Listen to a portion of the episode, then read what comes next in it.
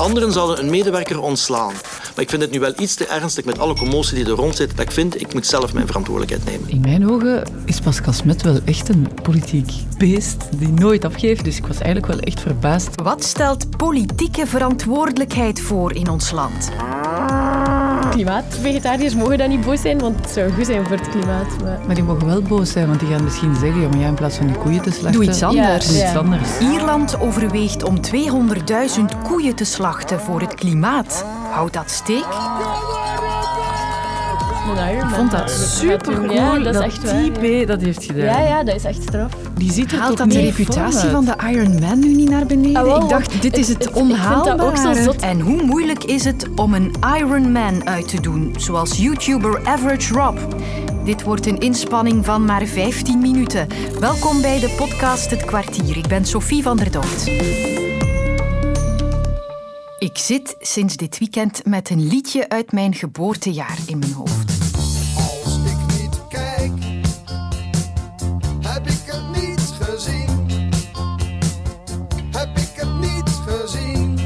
Het tijdloze politiek van Bram Vermeulen. Want Pascal Smet nam gisteren ontslag uit de Brusselse regering na heisa over een Iraanse delegatie die voor een conferentie in Brussel uitgenodigd was.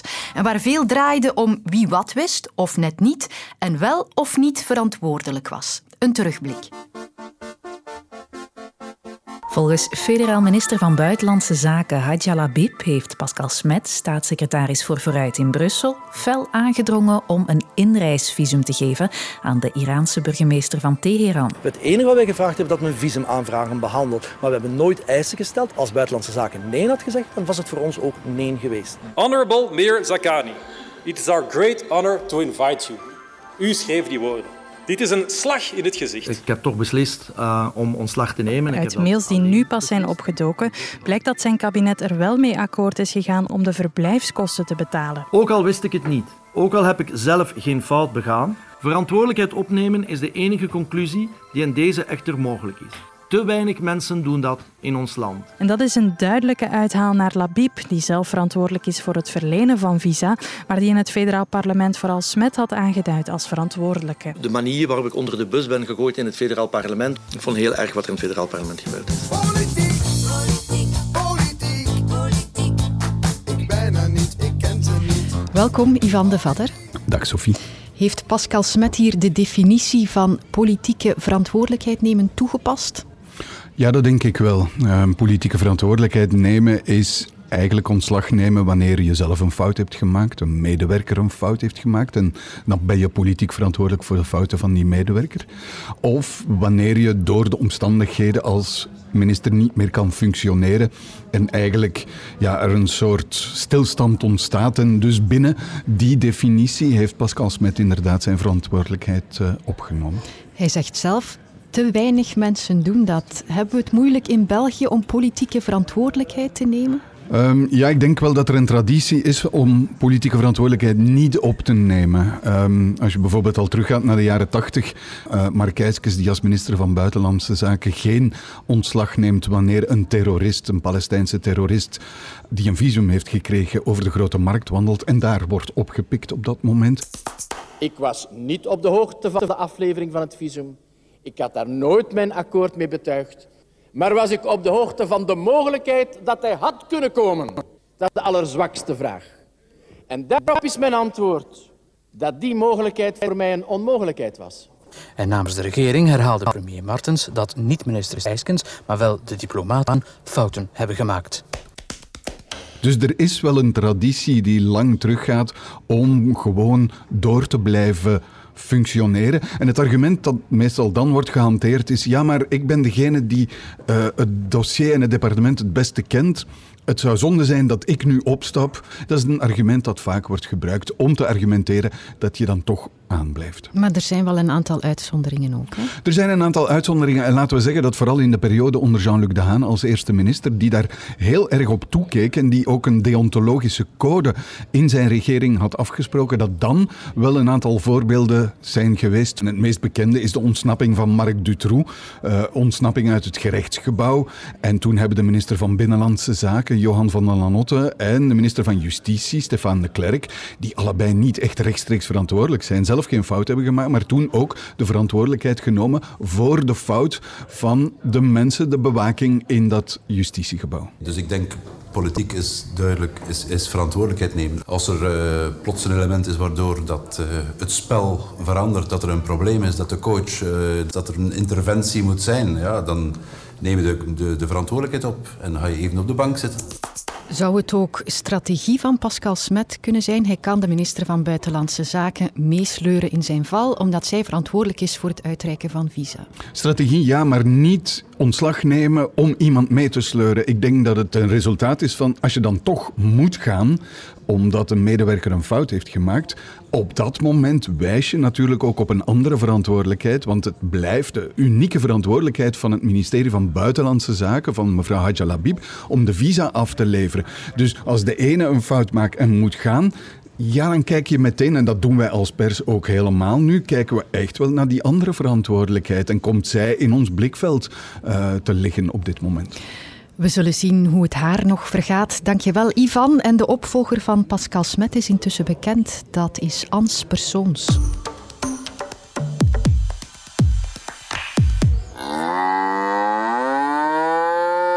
Ik kan mij voorstellen dat het onrustig is op de weides in Ierland. Nearly 200,000 cows could be culled to meet emissions targets in the Republic of Ireland. Er ligt een voorstel op tafel om 200.000 melkkoeien te slachten om zo de klimaatdoelstellingen te halen.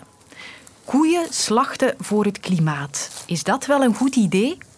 Ik bel naar Sam de Kampeneren. Goedemiddag. Hij is wetenschappelijk directeur van het Instituut voor Landbouw, Visserij en Voedingsonderzoek. Herkauwers in Ierland hebben een bijdrage van ongeveer 20% van de totale CO2-uitstoot in Ierland. Het is zo dat melkkoeien, net als alle andere herkauwers zoals schapen en vleesvee, bij het verteren van grondstoffen die wij als mens niet kunnen opeten, een gas vormen, methaan, uh, dat in de atmosfeer terechtkomt via het uitademen en daar bijdraagt aan de klimaatopwarming. Dat is een effect dat gedurende relatief korte tijd duurt, een tiental jaar. Nadien wordt die methaan weer afgebroken naar CO2. En die CO2 die kan dan weer opgenomen worden door de planten als ze aan het groeien gaan. Minder methaan, daar draait het dus om. Maar kan zo'n maatregel impact hebben? Als de sector van landbouw zo groot is, dan moet je wel naar heel drastische maatregelen nadenken. Of het daarom een juiste beslissing is nog een andere vraag. Los daarvan, een beslissing om een sector af te bouwen is Vanuit lokaal standpunt en op korte termijn is het ergens wel te begrijpen. Hè. Bekom je door 200.000 koeien uh, af te slachten of 200.000 koeien minder te gaan houden? Dan bekom je uiteraard een belangrijke bijdrage aan reductie van je methaanuitstoot. Voor Ierland zou dat ongeveer betekenen 13% minder uh, uitstoot via melkvee aan methaan. Dus dat heeft wel een zekere bijdrage. Een tweede punt dat je vooraf ook heel goed moet weten. Wereldwijd is ondertussen toch wel een consensus dat de echte klimaatproblematiek moet aangepakt worden via het reduceren van de fossiele brandstoffen. En de methaan van herkauwers is uiteraard een stukje een bijdrage aan het klimaat, maar is zeker niet de grote oorzaak van de klimaatproblematiek. 200.000 melkkoeien minder. Heeft dat ook gevolgen voor de zuivelmarkt? De wereldvraag naar voedsel bijvoorbeeld, daar weten we van dat die de komende jaren alleen maar zal stijgen. Met andere woorden, als Ierland minder melk gaat produceren, minder kaas gaat produceren, dan gaat die melk en kaas ergens anders geproduceerd worden. En dan is de vraag een beetje waar gaat die geproduceerd worden. De kans is klein dat dat in Europese landen zal gebeuren. Want die Europese landen zitten ook allemaal met beperkingen vanuit Europa. Dus daar is de groeimogelijkheid ook niet groot.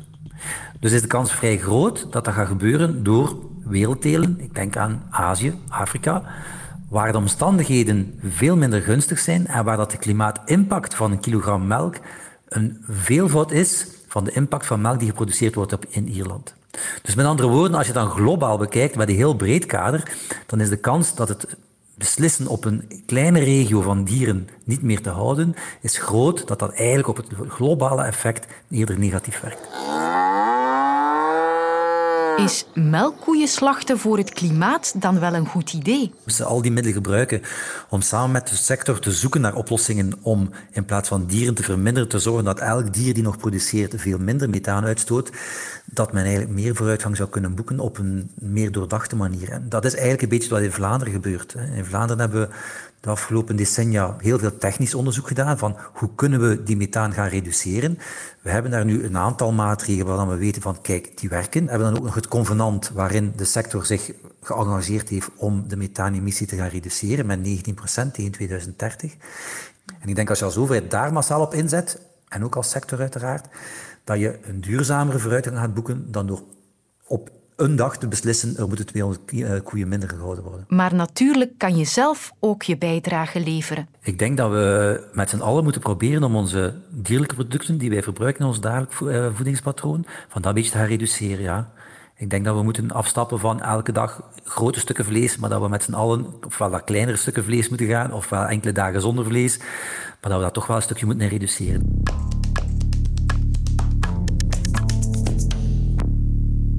Coucou everybody, welcome to a new video. Today is the first day of one of our biggest challenges we've ever done. We want to do an Ironman in six months. Is it possible?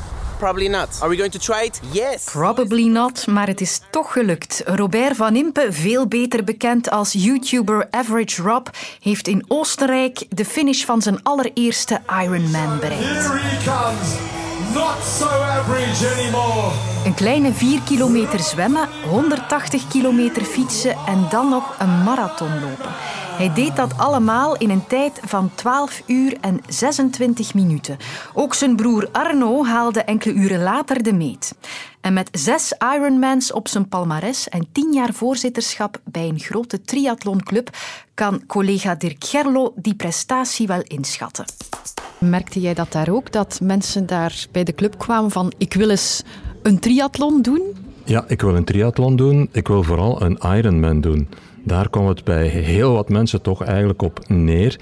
Wat ik heb ervaren is dat als je van triathlon jouw sport wil maken, dat je ook de nodige tijd moet nemen. En als je het te snel doet, dan heb je misschien te snel ook de buik ervan vol.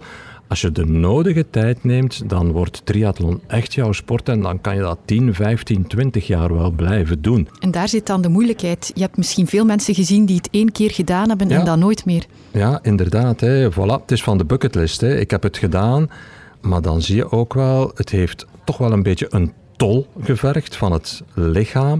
Ik heb gezien dat Average Rob, Rob van Impe, toch ook wel wat problemen had met een voetblessure. Ja, hoe komt dat? Hij komt uit het zwemmen en dat heb je heel vaak gezien. Ik denk bijvoorbeeld Stefan Mane, ooit Olympische finale in Barcelona in 92, rugslagspecialist. Na zijn carrière, hm, ik ga eens een triathlon doen. Hij deed zijn eerste, ik denk heel goede resultaten, maar meteen geblesseerd. Dus voilà, het is niet omdat je getraind bent in het zwemmen of in het fietsen of in het lopen, dat de combinatie van de drie ook meteen een succes is. Dus de basis is altijd geef jouw lichaam de tijd om te wennen aan de combinatie van de drie. Maar als je al met de achtergrond van oei, ik moet opletten, want ik heb een voetblessure gehad. Oei, ik zit een beetje te sukkelen met de rug. Oei, de schouders zijn overbelast geweest door het zwemmen. Ja, dan ga je aan de dag zelf niet al te veel plezier beleven. En dat is heel jammer. Ja, dan wordt het misschien een kort avontuur. Dus we moeten niet zozeer opkijken dat iemand dit één keer kan volbrengen, maar eerder dat iemand dit volhoudt. Iedereen kan een Ironman afwerken. Die een beetje gezond is, die een beetje getraind is, die kan dat doen. Maar de vraag is, ja, ga je dat nog een tweede keer doen? En wat is de tol op het lichaam als je het eigenlijk een beetje te snel, snel hebt willen doen? Denk ik wel. Heb ik dat goed begrepen? Volgens Dirk zou ik dus ook perfect in staat moeten zijn om een Ironman te volbrengen. Maar alles begint met een goede coach. Ik ben Frederik van Lierde. In 2013 was ik wereldkampioen Ironman op Hawaii. En sinds een maand of zes ben ik ook de coach geworden van Average Rob en van Arno. Rob, lachen en opdelen, man. Oké? Okay? Eight station per eight station, oké? Kom aan, hè. En de man die de broers van Impe mee naar de finish hielp, gelooft tot mijn verbazing ook dat ik het kan. Al zou de aanpak toch iets anders zijn. Ja, dus Arno en Rob die hebben dat op zes maanden gedaan. Eigenlijk is dat ja, wat te krap, hè. maar die twee zijn, zijn jong, zijn ambitieus, die willen het 100% en die zijn ervoor gegaan. Maar idealiter ja, doe je dan normaal over een veel langere periode. Laat ons zeggen, zeker een jaar, misschien zelfs twee jaar, drie jaar, waarin dat je geleidelijk de afstand gaat opbouwen, op een gestructureerde manier gaat werken. En ik ben er echt wel van overtuigd dat, dat iedereen dat kan. Als je de wil hebt, de moed, de structuur in je trainingen, de tijd ook om ervoor te trainen, dat je dan zeker in staat bent om dat tot een goed einde te brengen. De uithouding is heel goed trainbaar en heel veel mensen kunnen dat zeker aan. En of die liefde voor triathlon nu zal blijven, wel, de broers reageerden wat verschillend. Ik ben ervan overtuigd dat Rob zeker nog een triathlon gaat doen. Hij uh, heeft mij zelfs al gesproken over zijn plannen voor de toekomst. Arno die zei mij gisteravond nooit meer, nooit meer, zei hij. Maar weet je, dat waren ook mijn eerste woorden toen ik in 2008 mijn, eh, mijn eerste Ironman gedaan heb. Dus misschien uh, gaat Arno ook wel nog van gedacht veranderen. En jij hebt de finish van het kwartier bereikt. Dat is ook al een prestatie. Tot morgen. Luister ook naar Snapt je mij nu? Onze VRT Nieuwspodcast waarin straffe twintigers praten over hot topics. Nu in de app van VRT Max.